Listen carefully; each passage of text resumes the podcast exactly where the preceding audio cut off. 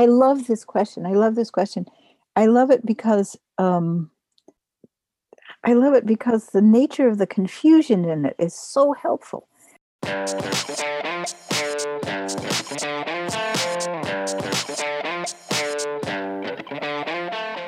Välkommen till Tro och förnuft-poddens mellansnack där vi presenterar material som oftast inte är inspelat i studio och som är lite mer spontant och lite mindre redigerat. Podden produceras av tidningen Sändaren i samarbete med Newman-institutet och teologiska fakulteten vid Uppsala universitet. Vi som gör Tro och förnuft-podden är jag, Kristoffer Skogholt och Peter Berntsson och Erik Åkerlund. Välkommen att lyssna!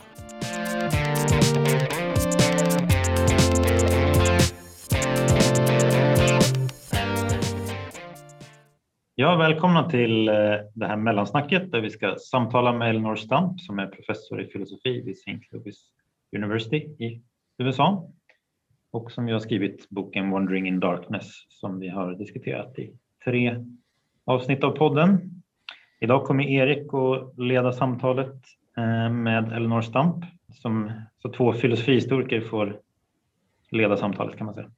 Så jag lämnar över ordet till dig, Erik. Tack. Hi, Professor Stump. I'm very nice to see you. Nice to see you too. Can you hear me all right? Yes, yeah, we, we, hear can. you very well, thank you. And good morning, I, I think I have to say to you, though it feels strange to say it at night yes, like this. I know, I know. A lot of your day is already past. Yeah, it is. It's it's dark now, though it's it's longer and longer days. So well, I remember the first time I was in Copenhagen in January. Mm, and, right. Uh, I thought, oh my goodness, they are going to have the worst possible winter storm. And then I realized, no, it's just the evening coming. exactly. this early. Yeah, yeah. So I don't remember exactly what has been uh, said before, but uh, I can just briefly then perhaps introduce also uh, well, briefly, perhaps myself. Uh, I, I, guess you need no introduction for us as we've read your book and and and and read about you and so on. But uh, so I'm uh, Erik Åkerlund. Then I'm a, a, lecturer in philosophy and director of studies at the Newman Institute, which is a Jesuit-run university college here in Uppsala.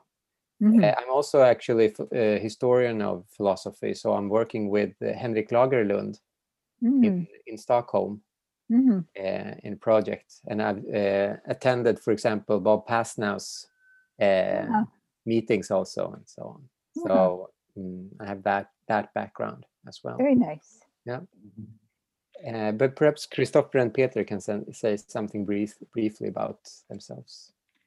Yeah, I'm Kristoffer Skogholt, and I'm a PhD student in philosophy of religion at uh, Uppsala University and uh, I've had Erik as teacher since I've been taking some courses at the Newman Institute where I am at the moment because I also organize a lecture series here um, at the Newman Institute.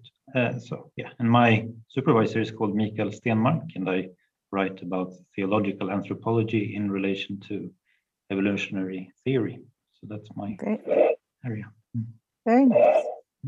Uh, yeah, my name is Peter Berntsson, and I'm um, uh, I'm a uh, priest in the Evangelical Lutheran Church of Sweden, uh, and my uh, academic background I have a master in New Testament uh, biblical scholarship, so um, uh, that's my approach. So, which I also appreciated much in reading this book. So that was. Um, yeah, and I might have some questions related to to my uh, profession as well.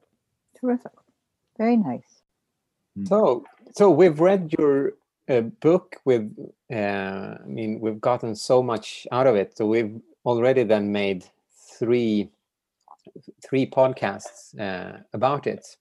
Uh, so we're very happy to now uh, be able to ask certain certain questions. There are some loose ends to be able to to talk talk about that with you. So so I have a question for you before yes. we officially get started.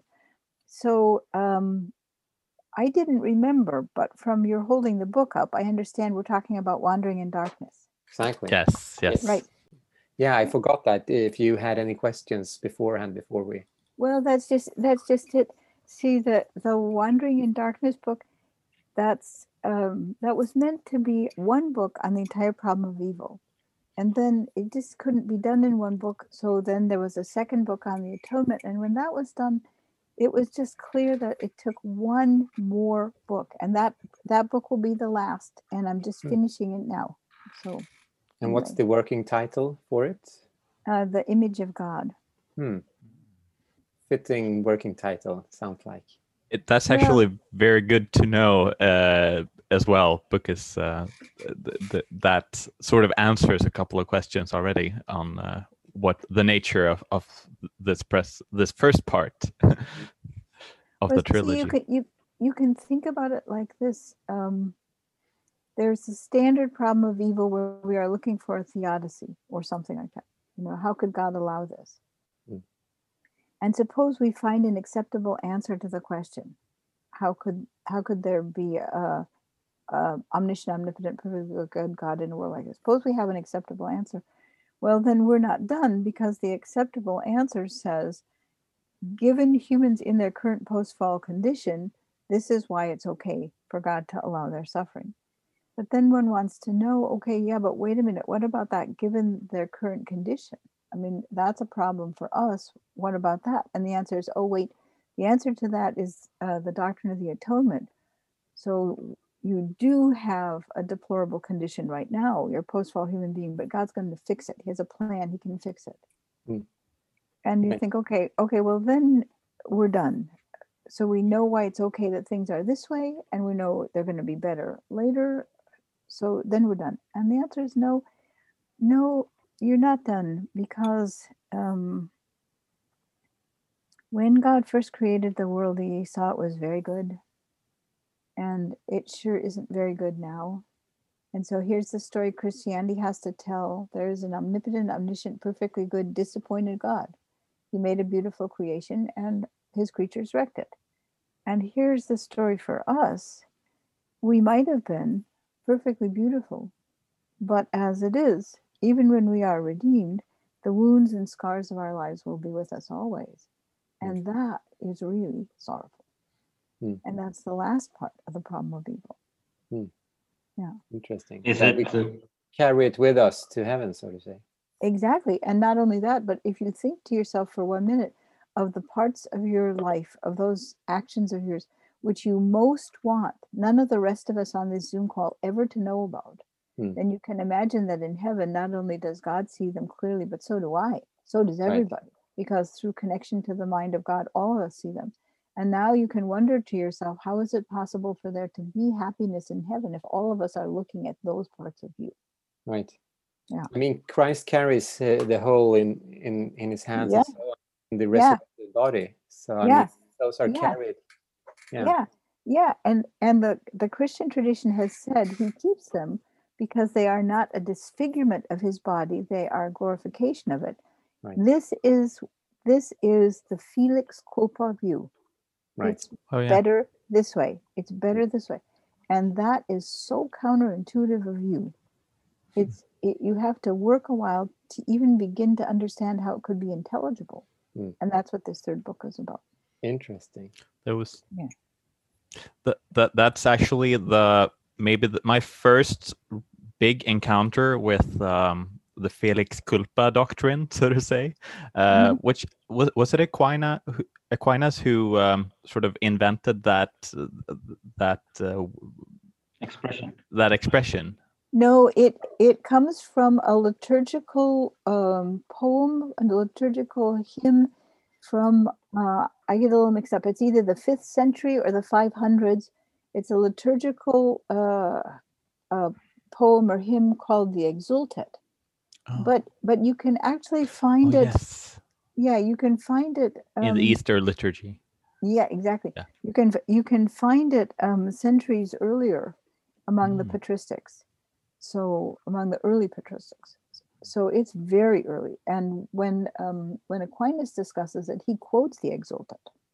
Oh, I see. Yeah, because I, I first encountered it in uh, singing in a choir, a, a Christmas hymn called uh, um, uh, Adam lay bounden, and it says, yep, uh, yep, that's right. had uh, basically had ne- if uh, basically I can't quote it. Maybe you can. Uh, if uh, if uh, Adam had not eaten the apple, Our Lady would not have been heavenly queen. yeah, yeah, yeah, yeah. There there are a number of expressions of the uh, exultet view, yeah. the Felix Culpa view, in hymns. That's exactly yeah. right. Yeah. Anyway, well, so that's what the third. That's what the third one is about. That's the mm-hmm. last part. That's the last leftover part of the problem of evil. Thank you. That's actually, as Peter said, that's very helpful. We we get a kind of panorama view then over the different treatments. Yeah. But I I had um, a, a question that I might uh, begin with here, and then I have, we have a couple of others. I I was really intrigued by this uh, uh, defense entrance into this problem. That it's a defense and not a theodicy. Uh, and uh, you stressed that in in a number of times, uh, and I hadn't really met um, a developed argument around a defense versus theodicy before. So how how would you say? In what context is a defense to pre be preferable to a theodicy?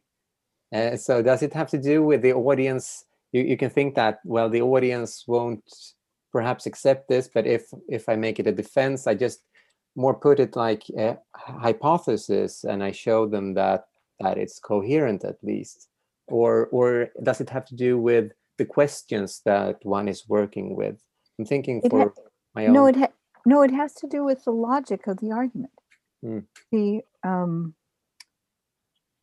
for for any given philosophical or scientific problem, you could say, this is the way it actually is. I have every detail right. It's the way it actually is. But given the complexity of the things humans think about and try to know, um, you're unlikely to get every one of those details right. And here's the other thing um, you don't need to because all you really need to, to say is, you know, I think it could go sort of like this. Hmm. And if sort of like this makes sense, then we are moved forward. So consider what we do when we teach scientific theories or when we try to understand scientific theories. Hmm. We make a model. And now what do we all say about the model? It's just a model. It is it's not right in every detail. That's the whole point of getting a model a model is uh, sort of like the way it is. Hmm.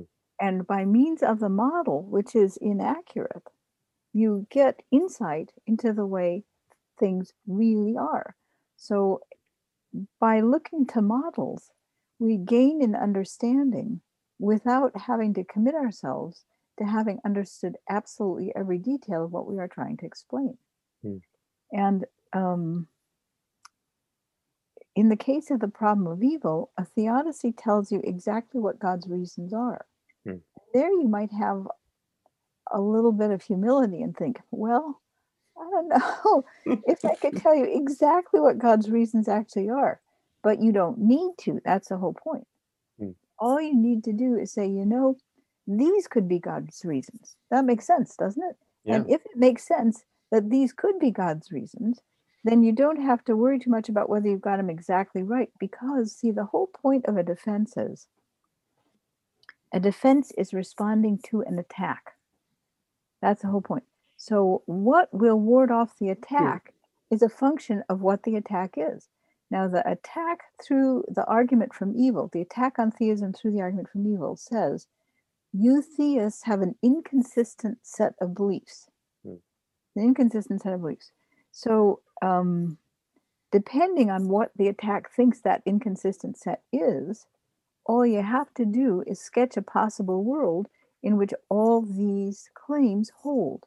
Right. And then the attack is warded off. Yeah. You, you, so the possible world you sketch has to be internally consistent. Mm. It can't violate uncontroverted empirical evidence. Mm. But, but after that, it's enough it, it says, look, it could be like this. And so the attack is wrong that says this is an inconsistent set. And that's all you have to do. Act, actually, to, to say, I know exactly what God's reasons are, is way more than you need to do to ward off the attack. Hmm. That's, That's very interesting that you turn it around and think, exactly, it's a, it's an answer, and you don't want to make your position stronger than than it has to. That's that's yeah. correct. Yeah, interesting. And that see the interesting thing to notice is that will be true for virtually all all philosophical positions responding yeah. to some sort of an attack. Right. Yeah. Or and that is also the way uh, things often enough work in science, where you don't say this is exactly how the actual world is. You say, look, here's a possible world. Here's how the world could be, and the theory would be true. So unless right. you know, for all we know, that's the way it could be in our world, and yeah. then you have a defense. Yeah. Interesting. Thank you. That's very clarifying.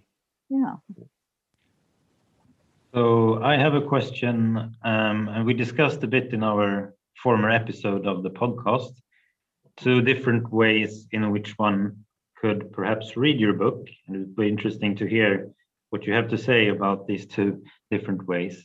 So one of the ways would be to read it in the lines of a sort of a philosophical spiritual exercise on the nature on the of the positive potential of suffering so, so just to give some, some background for the question, you say in your book that the notion of human flourishing, which you presuppose in your defense, is that human flourishing primarily consists in loving union with God and other persons. And this loving union requires internal integration as well as a transparency and openness, both in relation to oneself and between oneself and others. And suffering may have a therapeutic um, potential for achieving this openness and internal integration. And I think so far we are all convinced by your argument.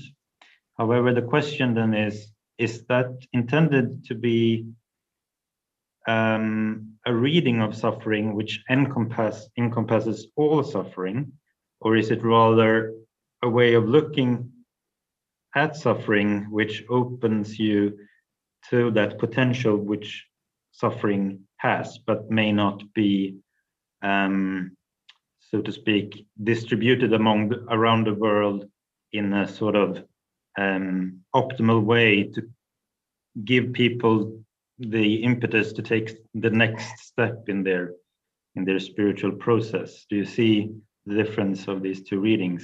I probably don't because I was so sure I understood the question in the beginning. I was thinking of the answer, so you may have to ask again. Uh-huh. But um, to start just with what a question that your words raised, but that I think was not in your mind. The uh, defense in the Wandering in Darkness book is not meant to cover all cases of suffering. I oh. specifically, oh. I specifically exclude, um, I specifically exclude sentient Children well, sentient, I exclude all sentient beings who are not uh, adult human beings with functional mental capacities. That's right. That's right. Yeah, and I, I, I, take that into account when I say yeah. also. Okay. Okay. Those people. Okay. Okay. And just to clarify, the reason for excluding those groups is that my account depends on being able to say something in detail about the cognitive capacities of the sufferer we are only just beginning to have a clue about the cognitive capacities of species of animals other than humans. We have generally um, so disrespected and dishonored them that we have had very little insight into the cognitive capacities that non human animals have. So we don't know very much about it. And I would say the same is true, really, of infants and very small children the research on them is only really just beginning to take off. And until we have a decent understanding of the cognitive capacities of these groups, then my account can't be applied to them because my account requires that you know enough about the cognitive capacities of the sufferer. So that's why they're excluded. Um, but um, for the rest, for the rest of your question, the point the point eh, that has to be included here is that suffering gives you the opportunity for these things it doesn't guarantee them if it could guarantee them then universalism would be an acceptable christian doctrine and and it isn't it's not an acceptable doctrine for um, Judaism either.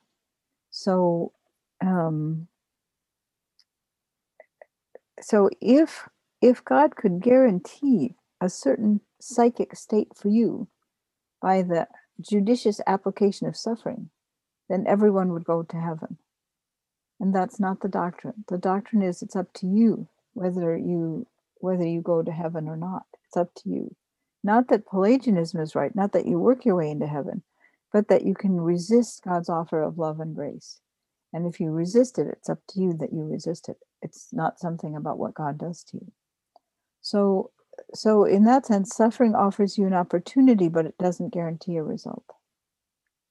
Mm-hmm. Okay, so I have two two follow up questions for that. Um, when I read your book, I I, I thought about. The, I mean, there there's some. It's sometimes said that genetic mutations are random in relation to the needs of the organism. They are not correlated with the needs for the organism. And it would seem to me that a lot of suffering has that character as well. It's not uh, being optimally. Oh yeah. Uh, I, love, I love I love this question. I love this question. I love it because um, I love it because the nature of the confusion in it is so helpful.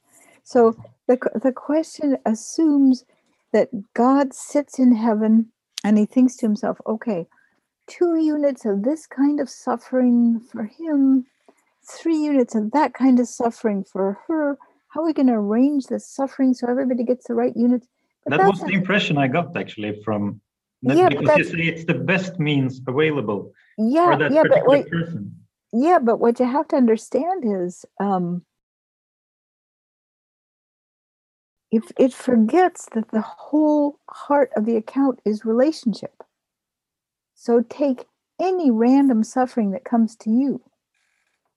Doesn't matter. God doesn't have to assign it in the beginning. It can be evolutionary chance. Then on this account, there is the possibility for your reacting to this in relationship to others, but also in relation to God. And God doesn't sit there waiting to see how you're going to react. God comes to join in the suffering. So here's so here's a little story to help you see the point. Um, I came to a new community one time, and in that community, people in the church were praying for a woman in, in the church who had been burned horribly in a fire. This poor woman lived in a place in a community where people poured gasoline on leaves in the autumn and set the gasoline on fire so the leaves would burn up. She had poured gasoline on her leaves, then her telephone had rung in the house. She'd gone inside and talked on the telephone a while and come back to set the gas on fire, but she didn't realize gas spreads. So when she lit the gas on fire, she was standing in the middle of the gas pile and went up in flames. She was in the hospital a long, long time. And I thought to myself, now there is an example of suffering where my account is just not going to be able to handle it. It's it, my account can't deal with a, a, case like that. Finally, this woman came back to the church and um, her face had been spared, but every other part of her body had been badly burned. She was in the hospital for months and she had many more surgeries facing her. And I said to her, Oh my goodness, you're the woman we have been praying so hard for you. I'm so sorry for the story. And she said, Don't be sorry for me. She said, From the minute that the flames engulfed me, Christ was so present to me.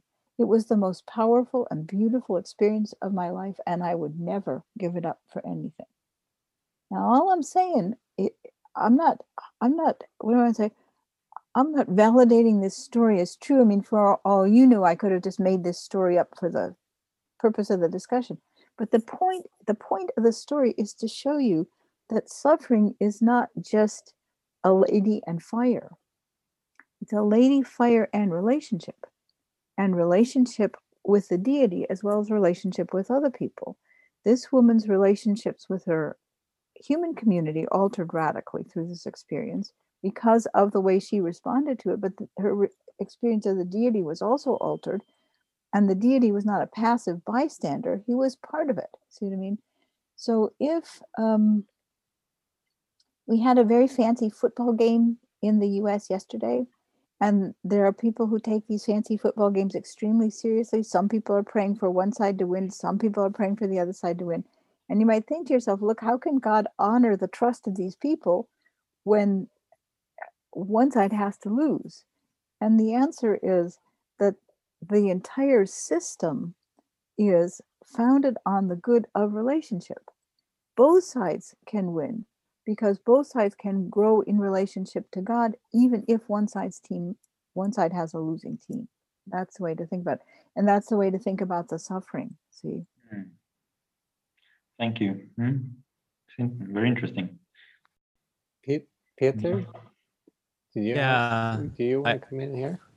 I think so. I think we've touched on a couple of uh, these questions that I've thought about. Uh, so one question uh, that struck me as I read it, and maybe it's only tangentially about suffering, but it is about, uh, I suppose, um, I suppose it's a hard topic. Anyways, it's uh, you you uh, refer to Aquinas' um, account of of uh, the final state uh, of man, and uh, you know how how the a person's life in within time within the finite uh, world of, uh, of of mortals is only like a, a, tiny fraction of that person's life in a, in a, in eternity.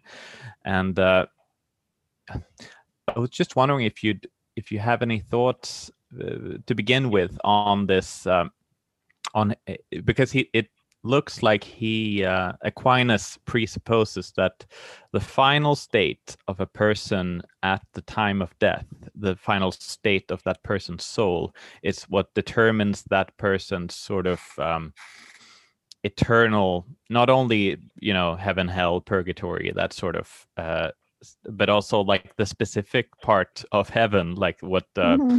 in uh, you like mm-hmm. in Dante's world, it would be yeah, like yeah, the yeah. fourth circle. circle. or something like that. Yeah.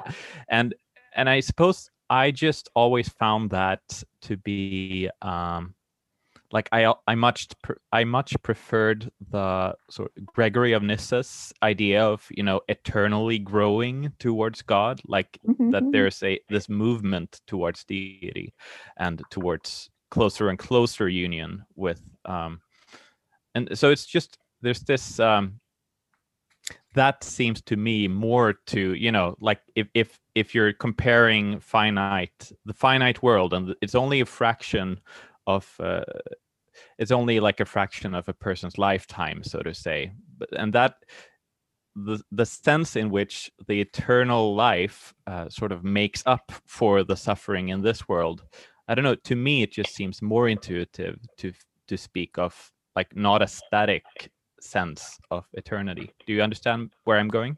Yes, but see, I think um, the problem with your question is that um, it supposes that within a quality, you can't have increase or decrease. So suppose um, suppose you think in terms of the angels.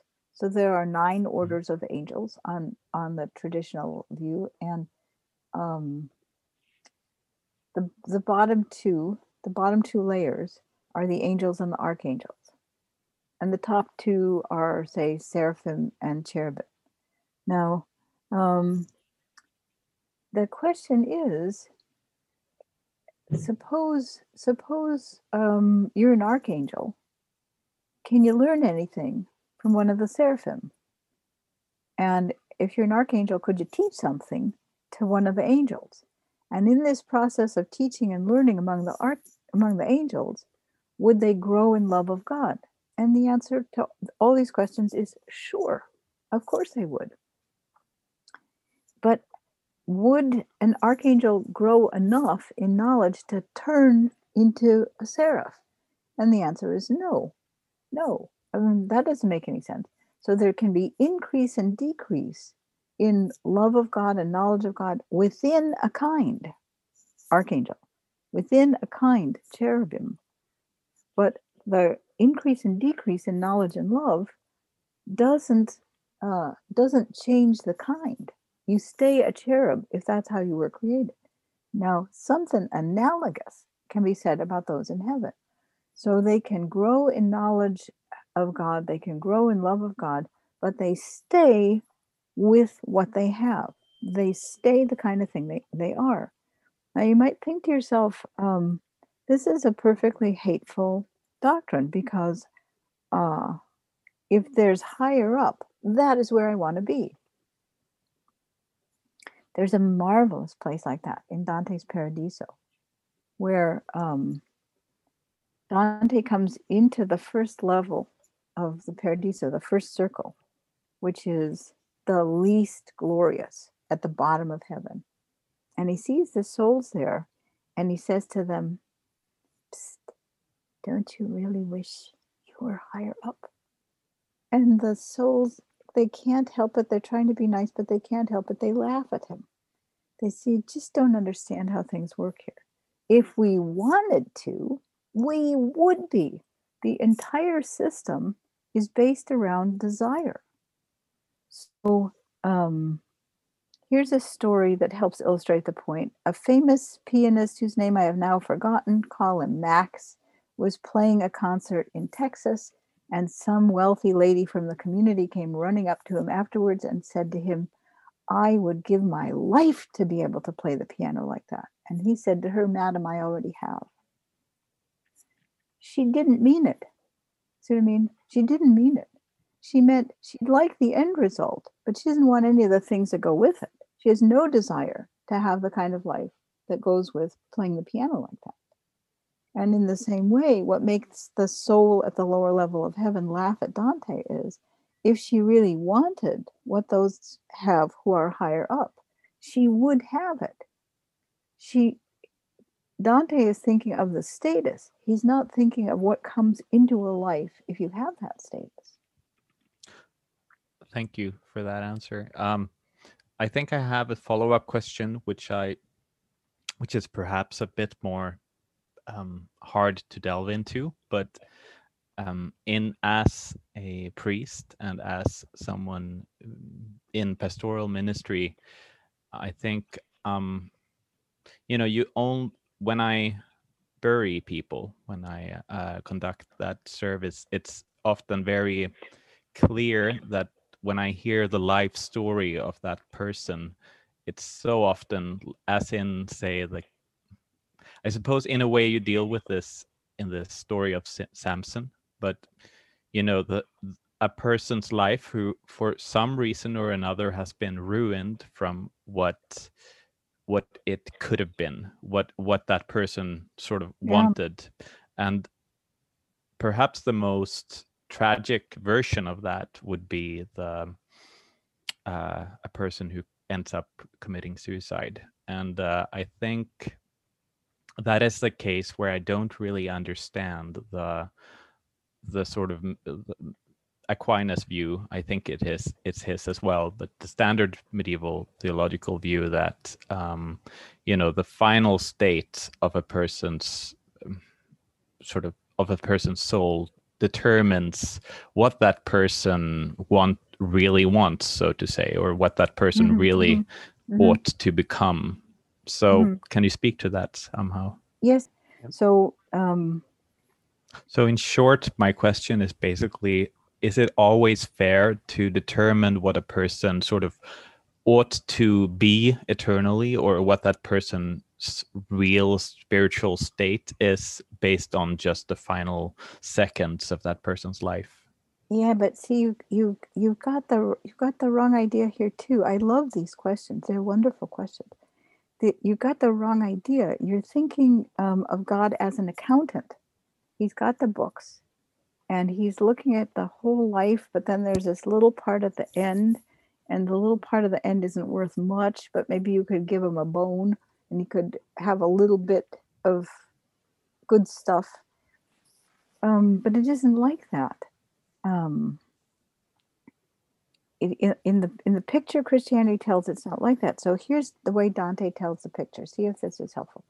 So there's uh, a gate into hell there's a gate into purgatory, but there's no gate into heaven. in Dante's Divine Comedy because the gate into purgatory is the gate into heaven. So some people skip purgatory and some people stay a while in purgatory, as Dante tells the story, but everybody goes through that gate because the gate of purgatory is the gate of heaven. In other words, if you're in purgatory, you're in heaven. So that's the background idea. So Dante is making his way through purgatory and he sees a soul there and he's really surprised. And he says, uh, You know, what are you doing here? Because you are a terrible sinner. You died suddenly on the field of battle. You had no last rites, no nothing. You just you just died fast. And what are you doing here? You belong down there. And the soul says to him, Yeah, yeah, that's true.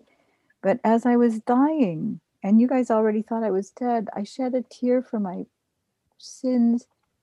The devil came to get my soul, and the angel came too. And the devil said to the angel, What? What? For one squeezed out tear? And the angel said to the devil, God will take him any way he can get him. Now, that's the first part of the answer, but it's not the whole part because here's the rest of the answer. Here is the point of the doctrine of purgatory. So, everybody in the Christian tradition believes that the state you are in now, whoever you are, cannot be the state in which you are in heaven. Some stuff has to come out. Now, there are two theories about the gentle way of getting a band aid off. Do you recognize uh, across language what a band aid is? Yeah. Sure. Okay. The two theories about getting a band aid off. One theory is rip it off. That's the best way. That's the gentlest, nicest way. Rip it off. The other theory is, oh no, that's terrible. That hurts. Peel it off very, very slowly. Okay. Some Protestants are rippers, most Catholics are peelers, but it doesn't very much matter. Everybody agrees it's got to come off. Now, the interesting thing about the doctrine of purgatory says this if we take out of you the parts that can't uh, stay in heaven, if we take those out, the malice, the envy, the um, the pride, the hatred, if we take those out, what have we got left? I mean, have we got enough to sweep together to make a person out of what's left? And if the answer is yes, then purgatory is for you because we can sweep what's left over of, of your personality together and put you through a slow process that enables you to grow the missing parts back. You can think of purgatory as a rehabilitation hospital. We had to remove various parts of your anatomy. But if we put you in the rehabilitation hospital, you might be able to walk, you might be able to sing, and so on. So it's not that you, um, this is the same answer about um, species and increase and decrease. It's not that you will be a different species when you come out the other end of the rehabilitation hospital of purgatory, but it's that you will be fully functional as the kind of species that you are through the process of rehabilitation that grows the the whole person back after the parts we took off because I can't stay in heaven. That's the idea. So, so, so when anybody dies who is a horrible sinner and dies by suicide, this may be somebody who outshines you in heaven when you finally get there. Hmm. Thank you. Yeah. Thank you. That's, that's that's Dante for you. a good Thomist, I think you write in the book that he was. Oh, he's the best. Dante is the best Thomist, bar none, of mm. anyone ever, anywhere. Yeah.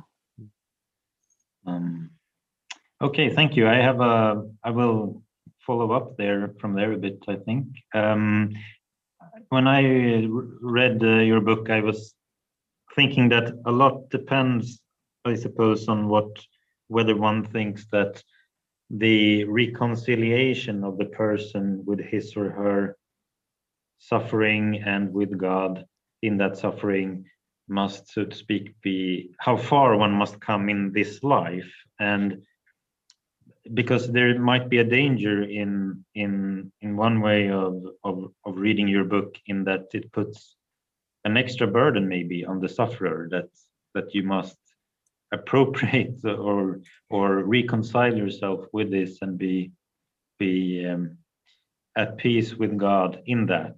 And uh, whereas someone might reasonably be feel quite in despair.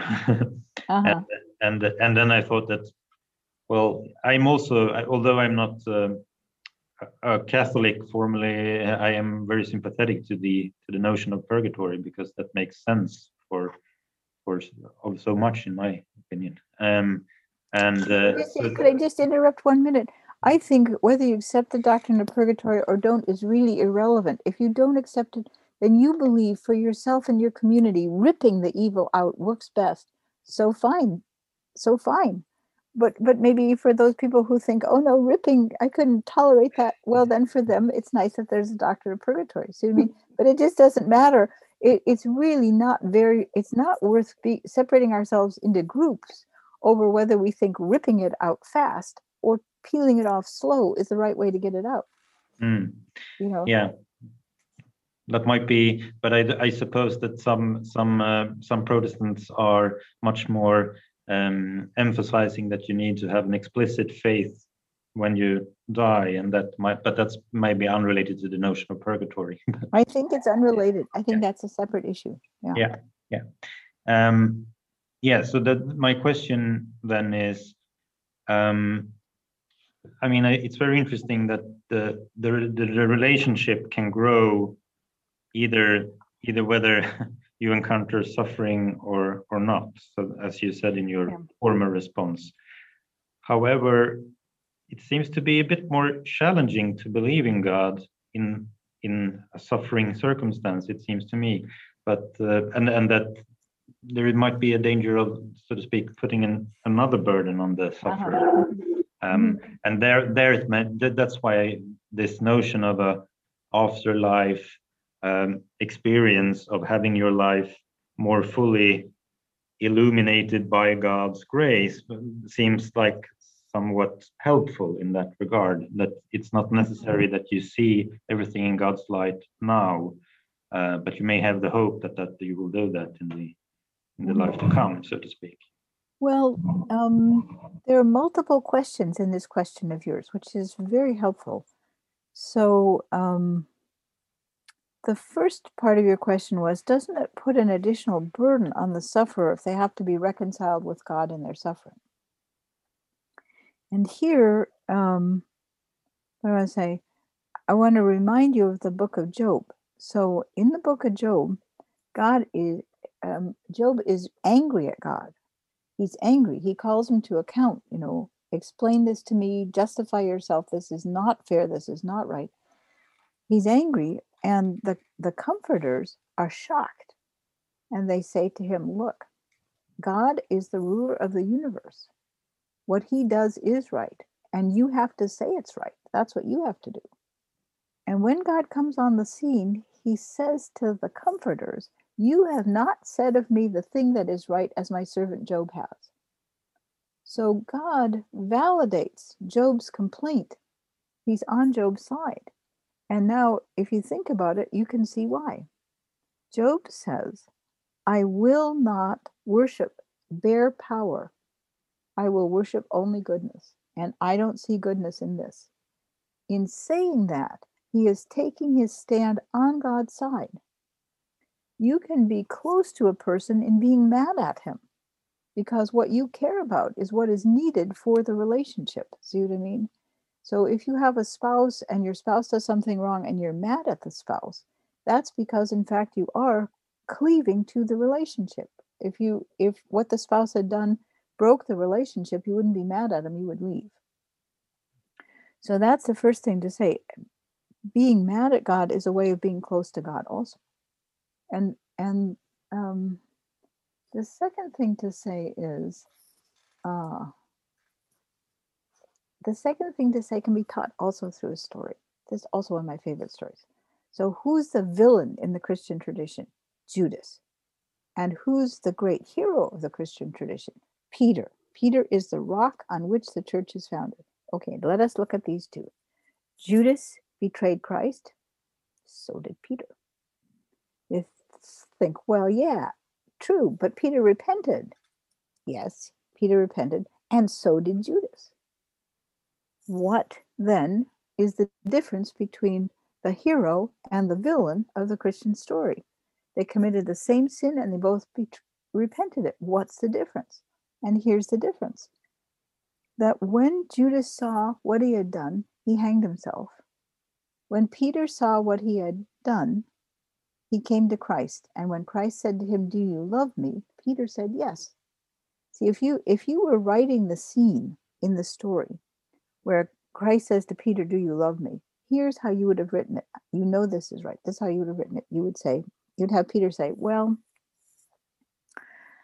uh, I don't know if I can say that I love you given what I did, but I think I could say, I want to love you. Or maybe even that's too much. Maybe I should just say, I want to want to love you. I mean, you have some sort of neurotic self doubt in this story. But what Peter says is just yes. And that's the whole point. The difference between Judas and Peter is that Judas was unwilling to say, Yes, I love Christ, given what he had done. And Peter was in in the in the colossal evil each of them did, which is the worst thing that can happen to you, worse than getting leukemia. The worst thing is not what others do to you, it's what you do to others. That's the worst thing for you. And in that worst thing, Peter was unwilling to let go. Whatever the bad stuff was, he, he hung on. He didn't leave. And in that not leaving, in the midst of terrible trouble, that not leaving is the necessary and sufficient condition for salvation. That's the point. So you don't need peace and reconciliation and all these things. You just need to hang on. Mm. Yeah, thank you. Do you have another so question? So, well, just let me add one last thing to to so so see you said what about people in despair? And I wanted just to add, if by despair you mean despair, then that will wreck everything for you. That's what Judas had.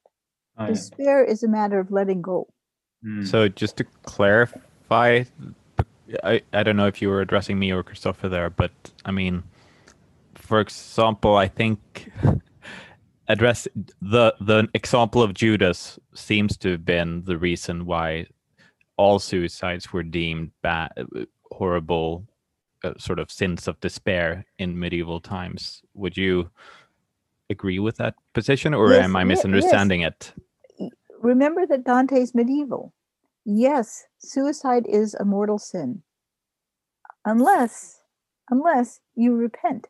Everything that you repent ceases to be a mortal sin in virtue of being repented. The difference between a mortal and a venial sin is that the mortal sin is not repented. You, if you let go, you can let go through suicide. You can let go of Christ through suicide. You can let go of Christ through gluttony. The difference between Judas and Peter is that is that Judas let go, not that Judas committed suicide the sin is not in the suicide, it's in the despair that causes the suicide. If you commit suicide and in the process of committing suicide, you hang on with that one squeezed out tear, you do not have a moral right. sin. Right. That's why for any given suicide, as for any given act of gluttony, you don't know what this does to a person's relationship with, with God. Right. Thanks. I like those lines. Uh, uh, remember them that according to Thomas, it's it's not so much uh, God that we cannot figure out; it's the human heart. We don't what what's yeah. Yeah. the innermost desire of the human heart and what what stirs there, so to say.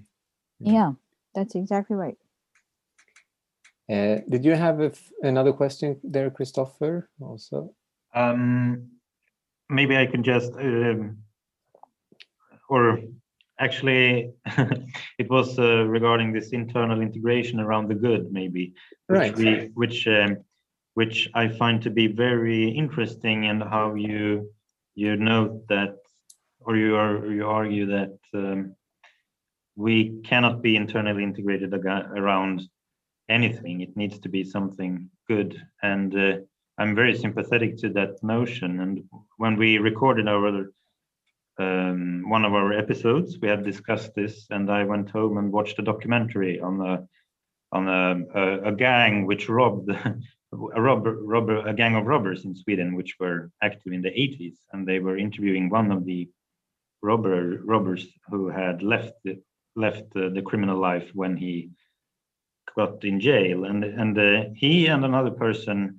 um, retold how they met one of the persons who stayed in the in the criminal life and, and kept doing what they had been doing, and how they both um, um, experienced him as being very much in shame when they encountered each other. Mm-hmm, mm-hmm. I found that to be quite interesting, and uh, and it's uh, interesting because it seems to imply that humans have some sort of innate mm, pre perhaps pre-articulate notion about what the good what goodness is and and that we are somehow related to that even if we don't have much perhaps uh, um, necessarily have much uh, um, theoretical um, uh, expli explicit um, understanding of it and uh, i would uh, be interested to hear if you have something to say about like the the origin of this notion in in humans um, yeah, I think it's not that complicated. It's not that fancy. It's like this. Um, start start start by thinking about what goodness is. So um, here's how we understand goodness metaphysically through um, through centuries within the Judeo Christian tradition, we understand goodness metaphysically as being under a definite description, under a certain description, as being. The beauty of this metaphysics of goodness is that um, it is possible to discern goodness by the use of reason through discerning being. So when something um, diminishes or destroys being, it thereby also diminishes or destroys goodness. And by reason, you can discern this. Just as uh, through the use of vision, you can discern your own hand, so through the use of your reason, you can discern the nature of evil. It, it destroys the being of something and does not, by that means, put more being into the world. So, um, you have built into you through your participation in the nature of human beings, you have built into you what uh, some uh, Anglophone philosophers call a reasons responsive mechanism. I think this is a really funny expression, really funny expression, but it's helpful because it makes the point. You have inside you a mechanism, a mind, a brain, a mechanism, whatever, who cares? you have within you a mechanism that is responsive to things. It responds. And what does it respond to? Reasons. And these reasons are objective things out there in the world. They're not just mind dependent, they're objective. And why are they objective? Well, because these reasons are a matter of the way the world is. And the way the world is, is not just a matter of being, it's also a matter of goodness because goodness is correlative with being. So, um, by the use of your ordinary human equipment, your reasons responsive mechanism, you discern goodness. And that's what, what has the implication that you cannot be integrated around evil because you can try to persuade yourself, or you can succeed in persuading yourself that something that is in fact evil is good. But your reason's responsive mechanism will also add in this conclusion no, it isn't. And mm-hmm. now you will be double minded and de- internally divided and, and not integrated. Mm. That's how the reason goes. Thank you.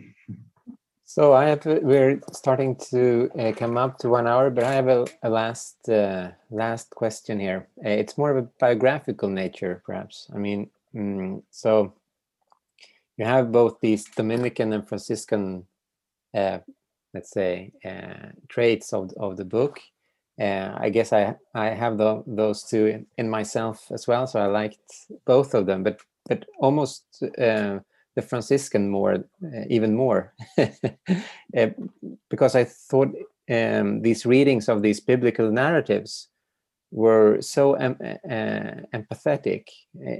they really made them come alive, and you, you saw things that uh, you'd never seen, although you'd read them time and time again. And also with other people's lives. Kristoffer uh, talked about spiritual exercise before. For me, it was really like a spiritual exercise to discern God in everything, in, in people's lives in this case. So this um, second person perspective. But I was wondering then, when I read it, whether these stories have lived with you, so to say, for a long time. I know you have a background in, you have a Master of Arts in Biblical Studies from Harvard.